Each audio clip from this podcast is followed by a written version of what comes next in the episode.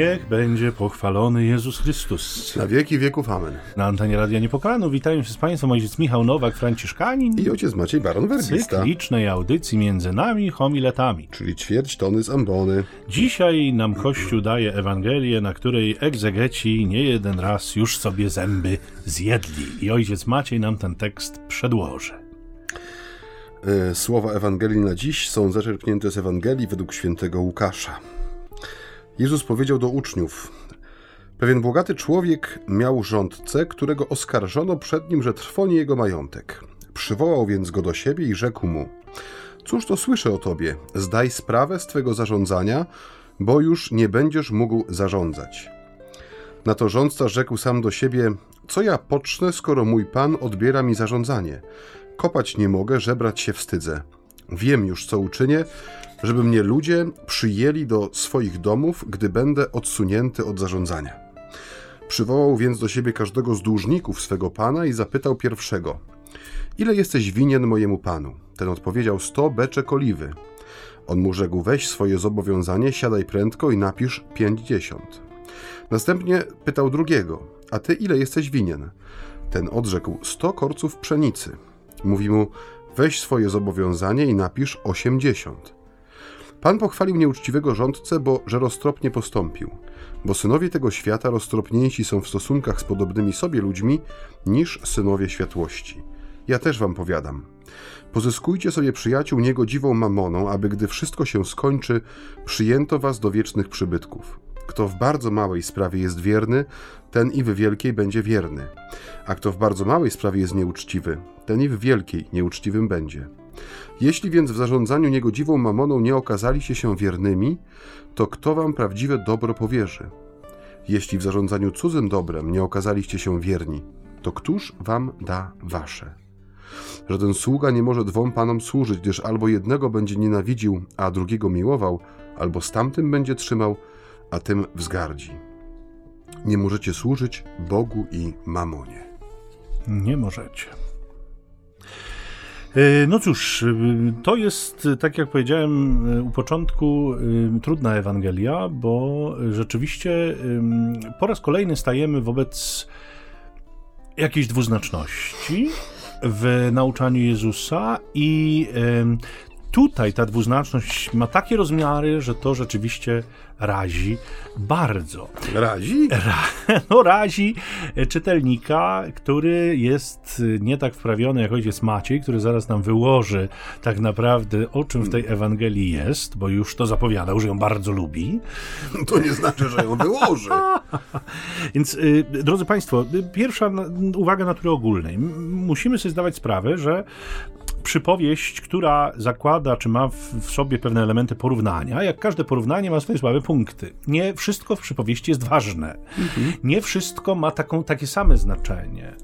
Przypowieść ma swoją główną myśl, którą opowiadający przypowieść chce uwypuklić, uwydatnić, przekazać, używając do tego pewnych środków, które nie zawsze same w sobie są w powszechnym rozumieniu najdoskonalsze, najwspanialsze i tak dalej, i tak. Więc czytając przypowieści, zawsze przede wszystkim musimy skupić się na myśli, którą one przeka- czy on, ona, ta konkretna przypowieść przekazuje, a dopiero w kontekście tej myśli przyglądać się szczegółom przypowieści, bo szczegóły przypowieści są rzeczywistością drugorzędną. One nie są najważniejsze, one zostały po prostu wzięte przez opowiadającego przypowieść po to, aby sklecić pewną historię, która ma nam ukazać coś wartościowego, Która ma też przyciągnąć uwagę. Dokładnie, więc b- miejmy to na względzie i czytajmy wnikliwie również, bo dzisiaj wyraźnie w tej e, przypowieści pobrzmiewa, że Pan nie pochwalił nieuczciwego rządcy za jego nieuczciwość, ale pochwalił za jego roztropność. Coś zupełnie innego od nieuczciwości, aczkolwiek w pierwszym odbiorze nie dziwi nas to, co często słyszymy, że no jak tu Pan Jezus mógł pochwalić jakąś nieuczciwość, nie wiem, złodziejstwo, jakąś inną formę tutaj kombinatorstwa w tej przypowieści wyrażoną. Ojcze Macieju, już ratuj. ruszył jak lawina. Ratuj! Ojciec ruszył jak A lawina. ty mnie tu oczywiście powstrzymasz i wrócisz do pierwszego zdania. Oczywiście, jak zawsze. Pięknie. Ponieważ ja uwielbiam pierwsze zdania. Znakomicie. Mój drogi, w tej e, perykopie, która dzisiaj wybrzmiewa, pada takie zdanie. właśnie takie słowa, którego oskarżono, że trwoni majątek. Gdybyś klecił przypowieść, tak jak to ładnie ująłeś, i chciał podkreślić nikczemność owego sługi, to napisałbyś zapewne, że był sobie pewien nieuczciwy rządca, który trwonił majątek swego pana. Jakżeby prościej było, gdyby tak właśnie pan Jezus y, ułożył ten tekst. Tymczasem on używa dosyć podstępnej konstrukcji, którego oskarżono o to, że trwoni majątek przed jego panem. Czyli był jakiś oskarżyciel, czyli osoba, no powiedzmy z gruntu nieżyczliwa owemu zarządcy, był pan, który miał zarządcę, który do tej pory prawdopodobnie sprawował się bez zarzutu. Mamy ten trójkąt ludzi, którzy stoją w pewnej relacji do siebie, no i ten jeden, tak jak mówisz, no staje się pewnym y, bohaterem y, tego, co poniżej. Ale my nie wiemy, czy ten człowiek faktycznie był nieuczciwy. My nie wiemy, czy on trwonił majątek swego pana. Ja odnoszę wrażenie, że on kombinatoryki nauczył się dopiero w momencie, kiedy ktoś rzucił w niego oskarżeniem. Ten system, mówiliśmy tu już kiedyś, że system ten gospodarczy opierał się na swego rodzaju patronacie, że byli ludzie, którzy świadczyli usługi zaopatrywania poszczególnych miejscowości w takie rzeczy właśnie jak zboże, oliwa, innego rodzaju dobra, oni byli pośrednikami, oni zbijali na tym potężny majątek. Żeby być pośrednikiem, no trzeba było mieć zasoby, żeby nabyć najpierw, czyli to była osoba majętna, która miała pod sobą ludzi, oczywiście miała pewnie też ludzi nad sobą, którzy zapewniali dopływ tych materiałów, tego wszystkiego, co, e, co było konieczne, ale to był pewien system patronatu, który czynił no, bardzo głębokie takie zależności w społecznościach, że taki człowiek decydował poprzez ceny, które narzucał, czy chociażby ilość towaru, którą sprowadzał, o funkcjonowaniu danego miejsca przez jakiś okres czasu. Więc to była persona, no powiedzielibyśmy dzisiaj taka dość znaczna na świeczniku. I ma tego swojego rządcę, którego ktoś oskarża o nieuczciwość. I od razu mnie się włącza ta analogia ze światem, w którym my żyjemy. Jak bardzo łatwo dzisiaj jest właśnie sprawić, żeby to słowo stało się ciałem, jak bardzo łatwo dzisiaj jest cisnąć oskarżeniem w kierunku drugiego człowieka w dobie wszelkiego rodzaju krzyczących mediów, takich jak właśnie portale społecznościowe, komunikatory. Powielić coś razy tysiąc i rozesłać w świat jest po prostu dzisiaj, no, chyba nie było łatwiej w historii. Cofnąć tych słów nie tyle, że się nie da, tylko czasami nawet nie potrzeba, bo nikt już tego nie słucha zostało rzucone jakieś oskarżenie, które zmienia życie jakiegoś człowieka, czasami zamienia je w koszmar i piekło, ale nikt się już nie, nie interesuje, czy te słowa są prawdą, czy oskarżenie jest zasadne. Tak naprawdę jest to news, który rozgrzewa sferę do czerwoności, ale po trzech dniach nikt już o tym nie pamięta, poza osobą, która ma przetrącone życie często. Mm. I ta sytuacja troszkę mi tutaj pobrzmiewa, że jest sytuacja, w której no bądźmy szczerzy, człowiek, który no jest, ma jakąś pozycję, bo zarządca no miał jakieś tam zaufanie swego pana, no ale nie był rozgrywającym w tej grze. Zostaje przed nim rzucone oskarżenie, którego się prawdopodobnie nie wybroni. Ktoś go zhejtował. Ktoś go, o właśnie, ktoś go zhejtował.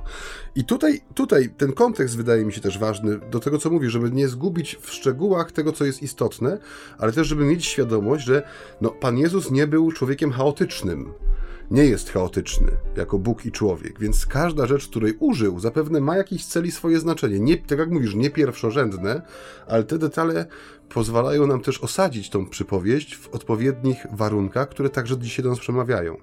I dla mnie właśnie tym takim detalem, który mówi do mnie, jest to, że nie użył słów, że był sobie nieuczciwy rządca, który, tak jak mówi na przykład o sędzim, którejś z kolejnych Ewangelii, który z Bogiem się nie liczył, ludzi się nie bał, czyli de definitywnie go określa. Tutaj nie ma, tu jest ktoś, komu postawiono, komu rzucono pod nogi kłodę. I mamy sposób, w jaki on tą kłodę stara się obejść, pokonać albo sprawić, że ona mu tych nóg nie pogruchocze tak jak mówisz, to nie jest pochwała mm, nieuczciwości, bo też nie wiemy, czy on nie był nieuczciwym, czy dopiero się nim stał w wyniku oskarżenia. Zresztą z tą jego nieuczciwością wyniku oskarżenia, czyli z tą próbą poradzenia sobie z tą sytuacją, em, zmiany zobowiązań, które em, wierzyciele mieli wobec swojego pana, też chyba nie jest to do końca wszystko jasne. Mianowicie spotkałem się kiedyś z takim komentarzem, który skądinąd no, może brzmi trochę wątpliwie w, w kontekście następnych słów Jezusa, których mówi Pan pochwalił nieuczciwego rządcę za jego roztropność. A więc na tym etapie załatwiania sprawy, czy na etapie mm, e, jakby wychodzenia z kłopotu, wydaje się, że może rzeczywiście jakiś tam e, element nieuczciwości w tym wszystkim był. Ale wracam do tego komentarza, z którym spotkałem się kiedyś, że ów rządca, chcąc jakby ratować sytuację, E, zrezygnował ze swojego mm, e, mm, procentu w tym wszystkim. Wycofał swój procent w sensie takim, że tak. te szkody, które tam gdzieś miałyby zostać naprawione, jeżeli jakoweś istniały, pokrywał z pieniędzy, które jemu się należały, no co stawiałoby go w zupełnie innym świetle i ten proceder, któremu się oddawał w innym świetle. Aczkolwiek, tak jak powiadam, nie do końca mnie ten komentarz przekonuje ze względu na to, że jednak Jezus kontynuuje myśl w kierunku pewnej nieuczciwości, zaradności, roztropności, która się z nią wiąże i która jest e, elementem e, takiego ludzkiego działania tutaj na Ziemi, więc e, znów idąc Twoim tokiem rozumowania, no trzeba by powiedzieć, że prawdopodobnie ten wątek zostałby wyciągnięty na, na światło dzienne, nie? wątek jego zaradności, która wiązała się z rezygnacją z czegoś swojego, z rezygnacją z jakiegoś swojego zarobku po to, żeby pewne dziury załatać, które być może rzeczywiście powstały zupełnie niezależnie od niego i bez jego jakby wiedzy i udziału.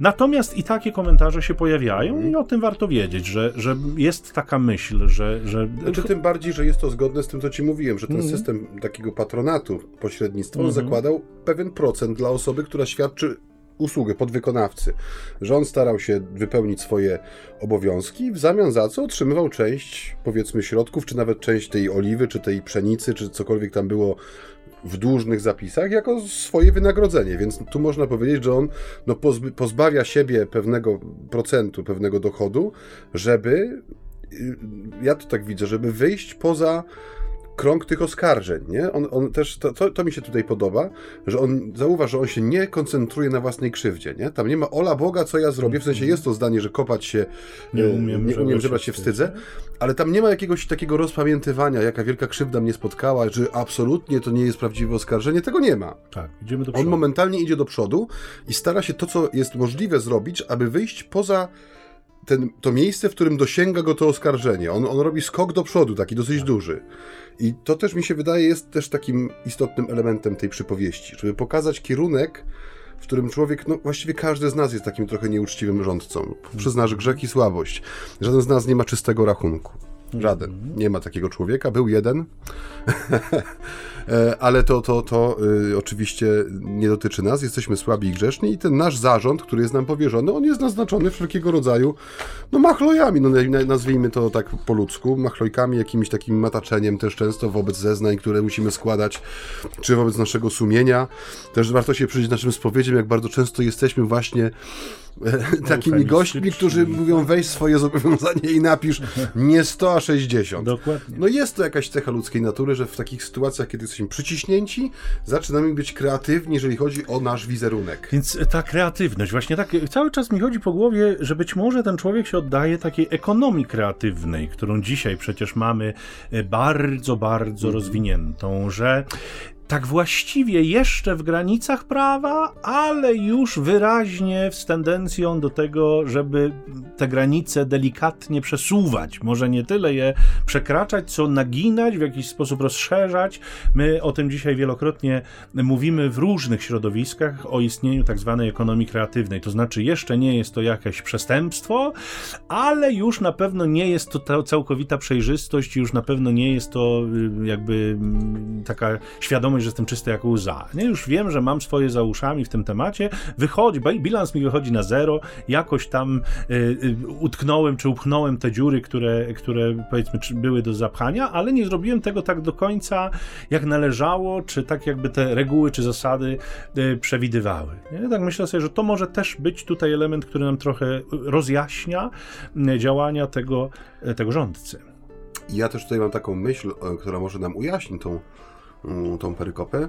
Mianowicie, no jest tutaj w sposób wyraźny postawiony taki wątek oskarżyciela, y, który staje wobec człowieka i ten człowiek jest oskarżony wobec swego pana. Czy nie widzisz tutaj, bo ja widzę takiego odwołania do, do naszej sytuacji yy, jeżeli chodzi o nasze życie, kim jest oskarżyciel? No, oskarżycielem zawsze był, jest i będzie szatan, ten, który jest ojcem, no, kłamstwa. ojcem kłamstwa. Hmm. On jest tym, który nieustająco oskarża człowieka, pokazując mu, że jest niegodny miłości, że jest brzydki, że jest brudny, że jest mały i podły. No bo ta, to jest jego największy sukces, kiedy człowiek uwierzy, że zagubił w sobie ten, ten Boży obraz podobieństwo, że nie jaśnieje w nim już żadne piękno, że jest właśnie cały swoim złem, cały swoim grzechem, cały swoim zagubieniem, że nie ma dla niego nadziei, nie ma dla niego ratunku.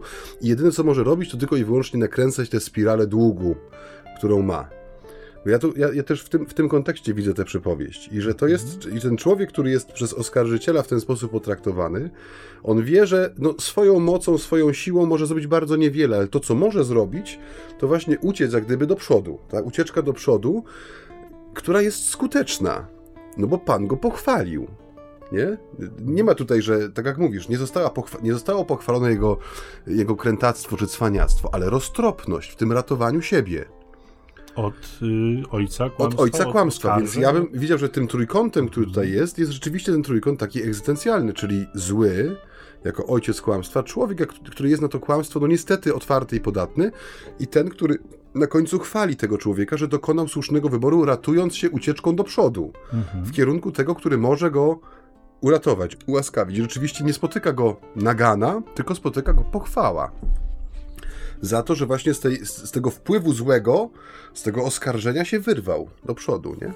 I to ten obraz, to ten kontrast, który Jezus podaje, że synowie tego świata są e, roztropniejsi w stosunkach między sobą niż synowie światłości, też myślę jest niesłychanie czytelny w tym względzie, bo rzeczywiście, drodzy Państwo, bądźmy szczerzy, jeżeli mamy nóż na gardle w perspektywie jakiejś finansowej, jakiejś związanej z, z dobrami materialnymi, um, czy też z jakimiś właśnie fałszywymi oskarżeniami, które mogą nas czegoś pozbawić, to my staniemy na głowie, żeby się z tego wyplątać, prawda? Prawda.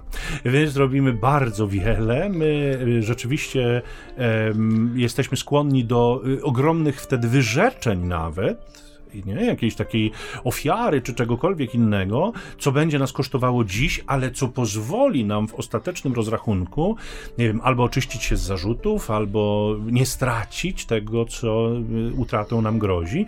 I konfrontacja takiej postawy z postawą ludzi wierzących, którzy w perspektywie ducha są dalecy od tego typu działań, od tego typu zachowań, pokazuje nam, że y, jakby w perspektywie wiary, w perspektywie ducha, o niewiele rzeczy chodzi nam mhm. tak intensywnie i mocno, jak w sprawach materii, w, w, sprawach świata, że bardzo trudno w nas wzbudzić taki, taką motywację, taki entuzjazm, takie um, zaangażowanie w działanie w perspektywie ducha, jak perspektywie materialnej, w perspektywie finansowej, w perspektywie y, ciała mhm. tego świata, y, można w nas wzbudzić to bardzo szybko y, i rzeczywiście wtedy jesteśmy u szczytu swoich jakichś aktywności.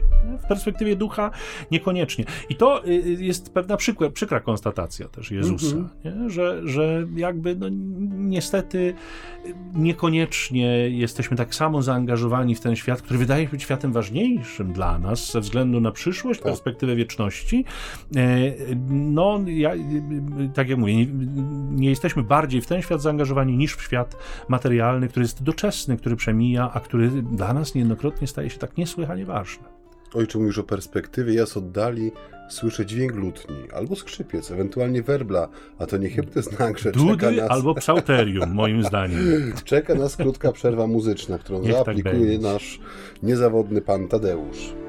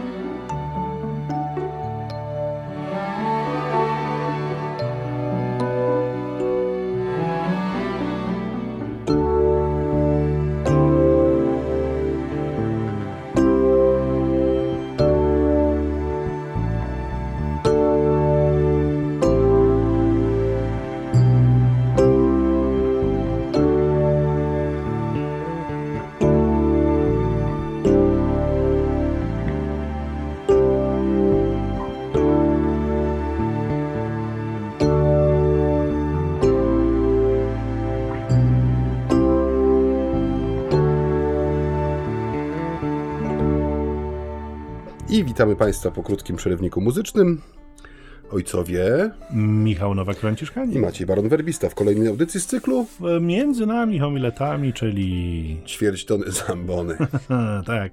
Ach, te uzupełnienia, jeden drugiego. Dobrze, że się mamy wzajemnie tutaj i możemy się uzupełniać, bo rzeczywiście y, co dwie głowy to nie jedno, jak mówi przysłowie, a w O. perspektywie y, medytacji nad słowem cudownie jest mieć jakiś inny punkt odniesienia niż swój własny, bo, bo to zawsze poszerza e, perspektywę. Mówiliśmy, drodzy Państwo, o tym zaangażowaniu tegoż sługi czy zarządcy, który miał tam e, jakieś sprawy do odkręcenia i mówiliśmy o małym zaangażowaniu duchowym, które niestety często towarzyszy, przynajmniej mniejszym zaangażowaniu duchowym, które często towarzyszy wierzącym w perspektywie wiary niż to zaangażowanie w perspektywie świata e, materialnego, to jest coś, co zakrawa na minimalizm. Ja się przekonuję mm, ostatnio, jak y, podstępną e, wadą, cechą ludzkiego charakteru jest minimalizm, zwłaszcza w świecie wiary, w świecie ducha. Takim dla mnie sztandarowym przykładem minimalizmu jest pytanie,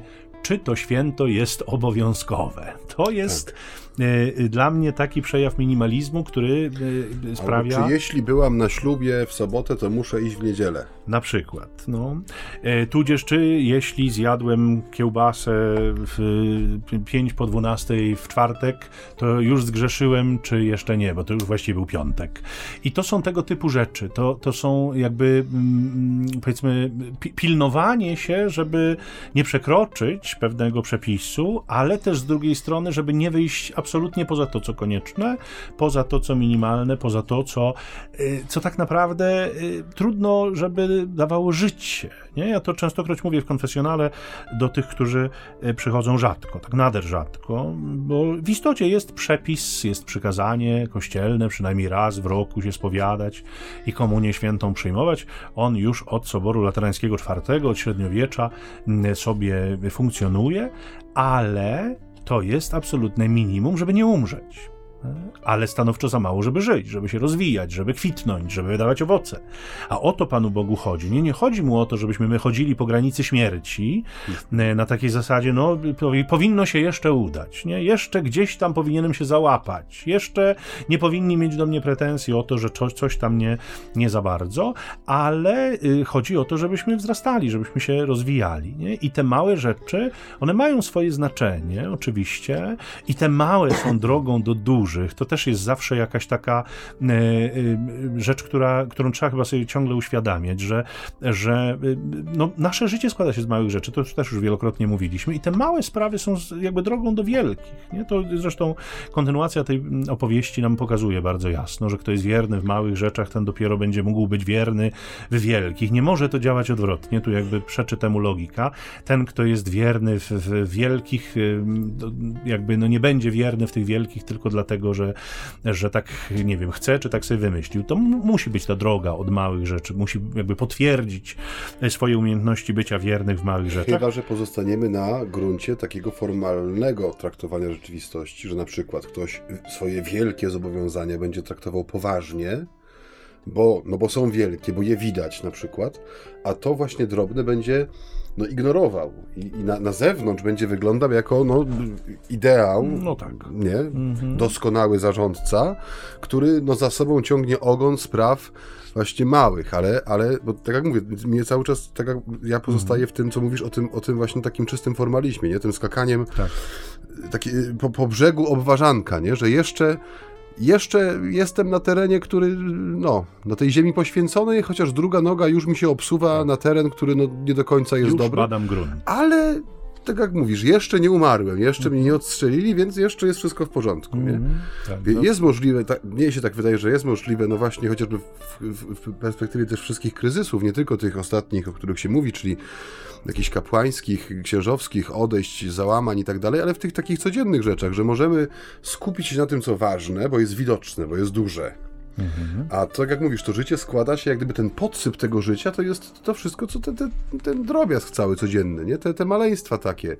To jak potraktujesz kogoś w kolejce na poczcie, to jak zachowasz się za kółkiem na skrzyżowaniu, to jak odezwiesz się do kogoś, kto ma gorszy dzień jak zareagujesz, to jak spojrzysz na bliźniego, który przychodzi z irytującą sprawą. To są wszystko takie maleństwa, które jednak, no tak jak mówię, budują tą treść życia, nie? No właśnie, a to y, wydaje się, że dla y, wielu z nas nie jest ważne. Że to są takie rzeczy, nad którymi nie warto się mm, jakby skupiać czy zastanawiać, no bo przecież są inne, ważniejsze. Natomiast, tak jak mówię jeszcze raz, wydaje mi się, że, że bardzo trudno jest budować w sobie e, wierność w dużych rzeczach, jakby pomijając temat. Ja kiedyś miałem taki obraz mm, e, podczas nowicjatu, był początku życia zakonnego. O mamo, to było dawno. Bardzo dawno, ale pamiętam go bardzo wyraźnie, dlatego, że usmysłowiłem sobie, że nasze życie jest trochę jak drabina na której każdy szczebel jest ważny i każdy szczebel, czy na każdym szczeblu powinna nasza noga stanąć. Można oczywiście pokonywać drabinę po dwa szczeble albo i po trzy szczeble, jeżeli człowiek jest wysportowany, ale wówczas wiąże się to z jakąś stratą, dlatego że na każdym szczeblu jest coś, co należałoby przeżyć, co należałoby, jakby czego należałoby doświadczyć i co później przy dość szybkim pokonywaniu drabiny może się okazać pewnym brakiem. Tam nie byłem, tego nie przeżyłem, tego nie doświadczyłem, tego nie wiem. Nie, nie umiem związać nie, późniejszych sytuacji z czymś, co we mnie, bo nie przeżyłem, czy nie doświadczyłem, bo przeskoczyłem, bo mi się wydawało, że to małe, że to drobne, nie? To jest, te, ja mam takie wrażenie, że to jest, nawiązując do innej przypowieści Jezusa, to jest to traktowanie jednego talentu, nie? nie mhm. jakby nie ma y, poczucia, że z tym można coś zrobić, że to jest przecież 34 kg srebra, ten jeden talent. To nie było mało nie? że ten ostatni sługa dostał jeden, nie? ale to była góra kasy, to było, to było coś, coś na miarę jego możliwości też trzeba Prawda, pamiętać. ale to było coś, co już wtedy, jak mówią komentarze, pozwalało na zupełnie swobodne założenie jakiegoś przedsiębiorstwa, które mogło przynosić zyski, mogło zarabiać, ale jemu się to wydawało... Pff, tak nieznaczące, tak małe, że postanowił ukryć i oddać w niezmienionej formie e, swojemu panu. Więc jakby pewien minimalizm e, w wizjach, nie? minimalizm w pewnym myśleniu o przyszłości, bo tutaj jakby ta przypowieść nam ciągle ku niej wybiega, tak jak mówiłeś, ta ucieczka w przyszłość, nie? Ciągle jakby taki wybieg ku temu, co będzie, nie stawanie w miejscu, nie załamywanie się, nie pozwalanie, aby te różne przedziwności przygnębiły mnie, czy przy, przygięły do ziemi no sprawia, że, że ten człowiek działa. Natomiast ten posiadacz jednego talentu minimalista nie działa. Po prostu ukrywa to mhm. wszystko i czeka na rozwój wypadków. Tak jest. nie sposób się z tobą nie zgodzić. No dobrze, ojcze, bo ja już tutaj się spociłem gestykulując obficie, bo to, państwo tego nie widzą. Ale Mamy studio przestronne, mamy... pozwala na gimnastykę Ta, przy ręce, mikrofonie, ręce, ręce nogi chodzą, chodzą. Dokładnie, więc teraz y, jakby ja się wyłączam, a ty idź dalej z tym słowem, bo jeszcze nam parę minut zostało, a Mam, jeszcze tak, nie skończyli. Mam kilka kroków do przejścia tutaj. Hmm. Mnie osobiście też bardzo bardzo porusza ten, to, to wezwanie pozyskujcie sobie przyjaciół niegodziwą mamoną.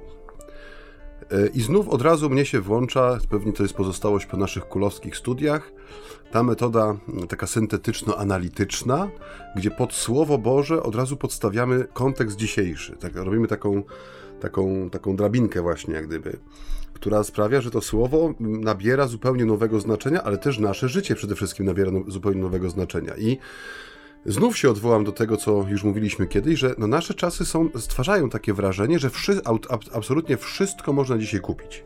Wszystko można kupić i wszystko można sprzedać. Mhm.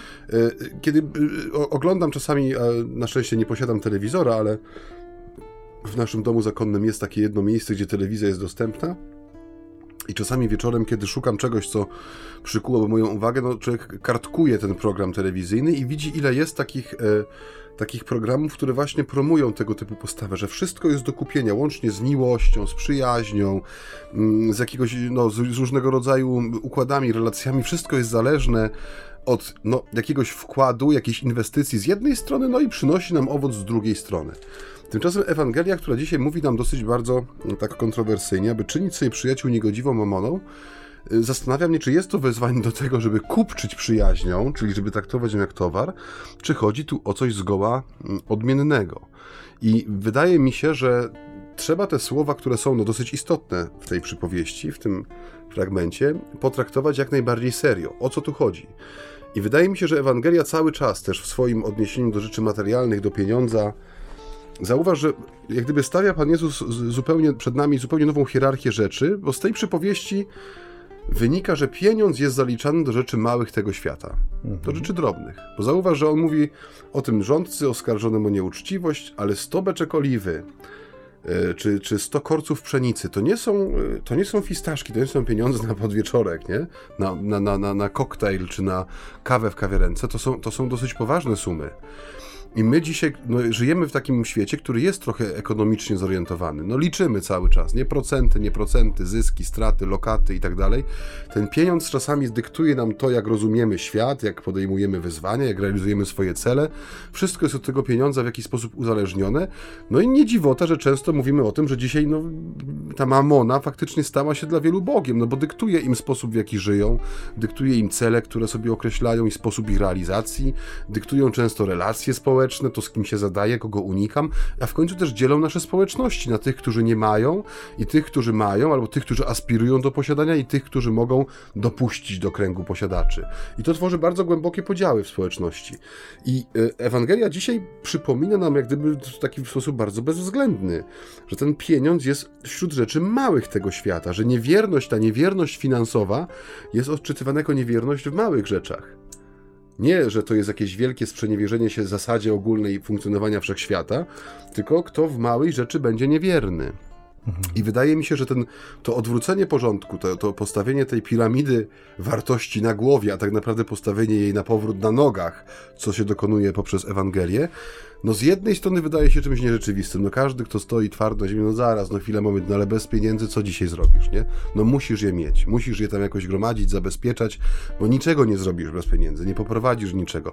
A z drugiej strony mamy przykłady ludzi, którzy, chociażby w przestrzeni kościoła, najpierw pragną coś zrobić, tacy boży szaleńcy, dopiero potem myślą, w jaki sposób to będzie finansowane i bardzo często powtarza się w tych historiach ta, y, ta świadomość, że jeżeli to jest Boże dzieło, to pieniądze się znajdą. Ja wiem, że to czasami jest nazywane takim świętym infantylizmem, taką świętą naiwnością, że dobrzy ludzie ci przyniosą pieniądze i wszystko będzie ok.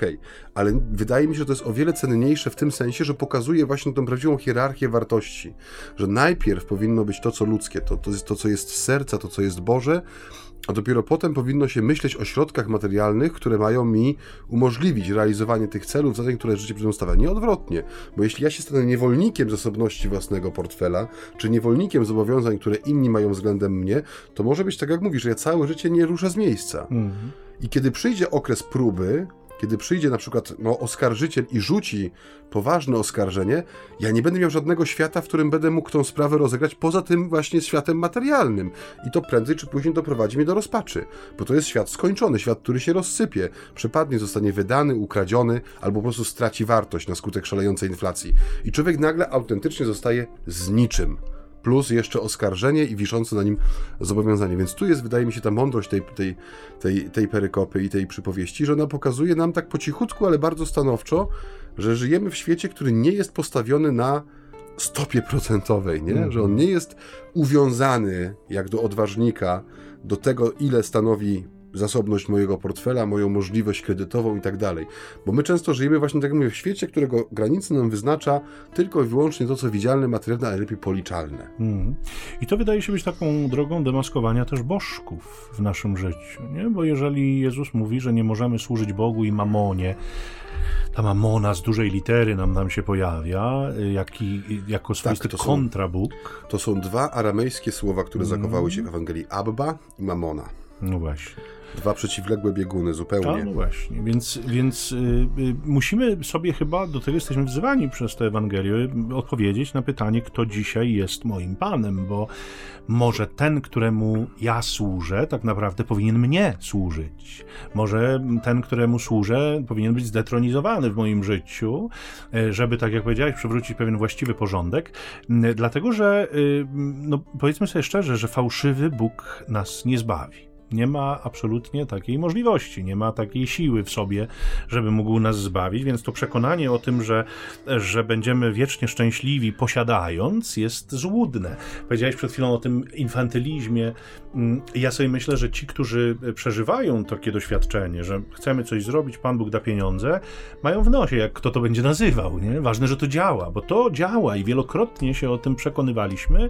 W e, historii Kościoła, zresztą i w teraźniejszości bardzo to jasno widzimy, że ludzie, którzy zaczynają służyć innym, także dobrami materialnymi, wyłączając siebie, w sensie ja nie, ja przekazuję, niczego im nie brakuje tak naprawdę. Mhm. Nie? To nie są ludzie, którzy cierpią głód, to są ludzie, którzy muszą zweryfikować swoje oczekiwania zawsze, bo może się okazać, że my mamy po prostu bardzo wygórowane oczekiwania i pragnienia i potrzeby i tęsknoty i marzenia, bo człowiek by chciał to, bo człowiek by chciał tamto. No tak, nie tylko czy to wszystko jest nam rzeczywiście potrzebne i czy to wszystko będzie nas w istocie rozwijać i czy to wszystko rzeczywiście służy jakiemuś większemu dobru w naszym życiu. Jest w, w naszych klasztorach, no, jak Państwo pewnie wiecie, w, w niemal w każdym właśnie właściwie w każdym jest kaplica. Prawda? Mamy kaplicę z Najświętszym Sakramentem, gdzie bracia, zakonnicy przychodzą, modlą się, skupiają, medytują, y, no, y, starają się tam być częstymi gośćmi, prawda? Prawda, prawda. Y, jedna z takich kaplic w naszym łagiewnickim klasztorze ma takie płaskorzeźby, czy, czy takie e, ryciny na, na, na ścianie w, w, tynku wyryte. Nie umiem tego nazwać, bo z historii sztuki dawno nie studiowałem, trochę tam kiedyś.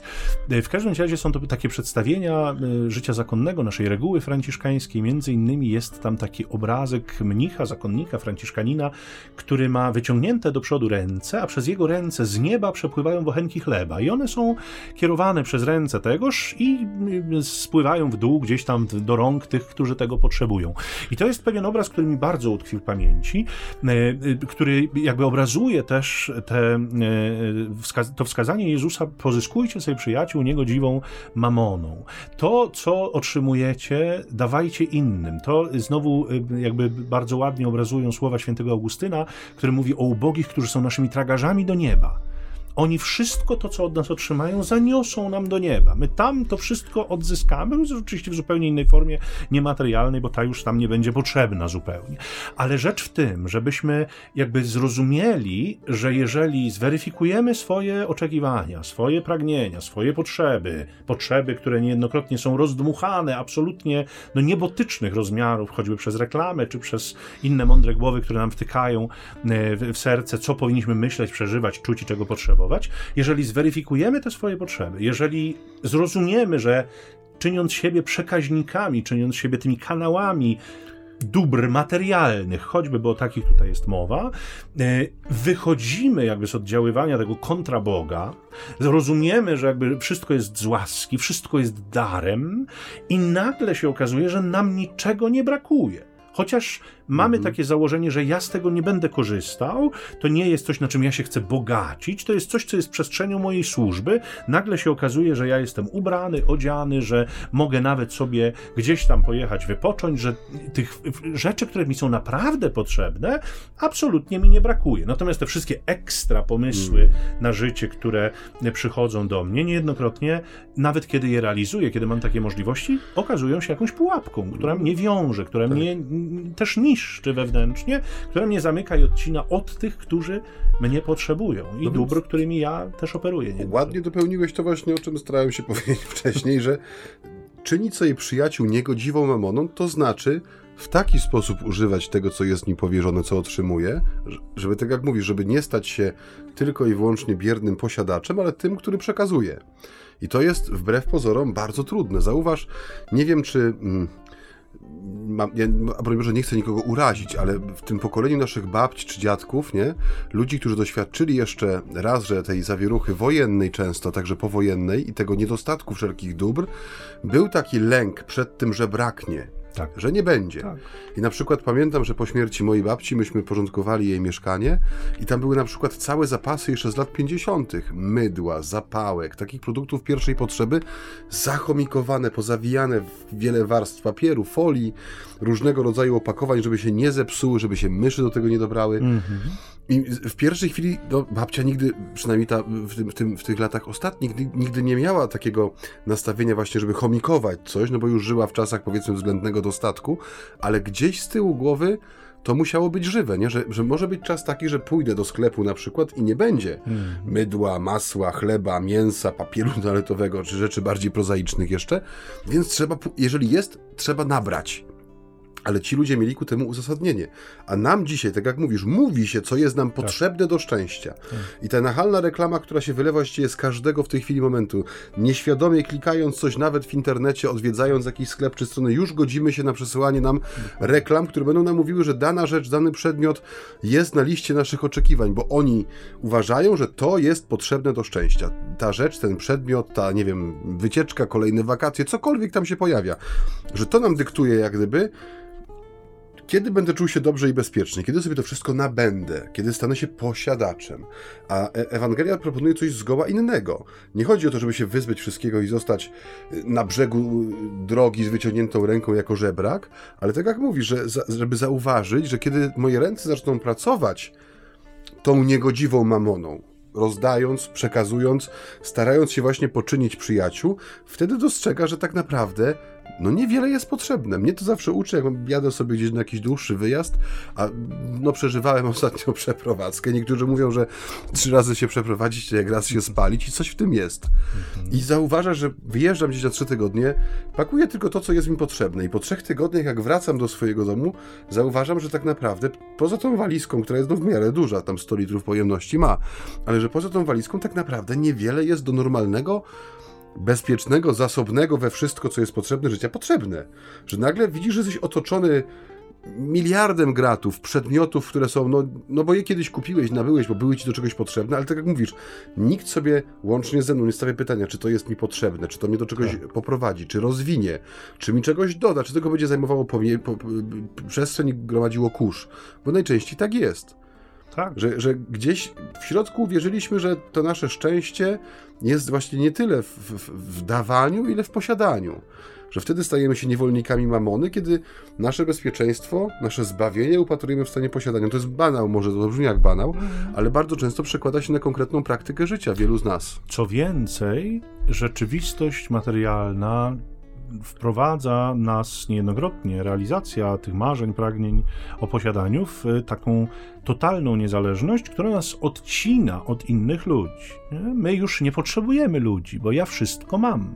Ja już nie muszę iść do sąsiadki, pożyczyć chleba, czy pożyczyć soli, czy pożyczyć cukru, bo ja mam 10 kg w szafce schowane, ukryte, tam na jaką czarną godzinę, czy nie czarną godzinę, bo tanio było, promocja. Ja kiedyś, a propos gromadzenia rzeczy, to już rzeczywiście będziemy powoli lądować. Myślę, że tak y, pofolgowaliśmy sobie dzisiaj trochę, ale nie, myślę, że nie szkodzi. No, absolutnie. Nie, nie, nie, nie.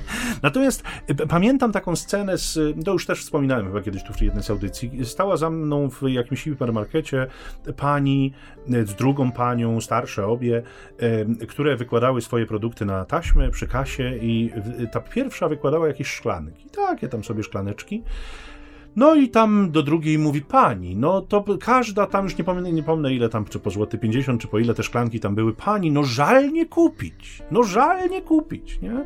No i na pewno dołączyły do grona e, jakby 1500 innych szklaneczek, które już w domu były, zupełnie niepotrzebne, ale no pojawił się nowy element, jest chwila radości, tego człowiek przyniesie do domu, rozpakuje, postawi, ma.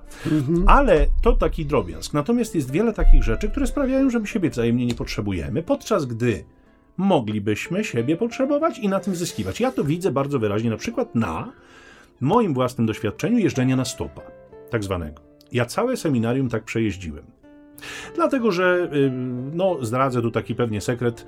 Y, y, otrzymywaliśmy oczywiście na podróż jakąś tam kwotę pieniędzy. To wiele takich wyjazdów było do domu, czy na urlop, czy na nie?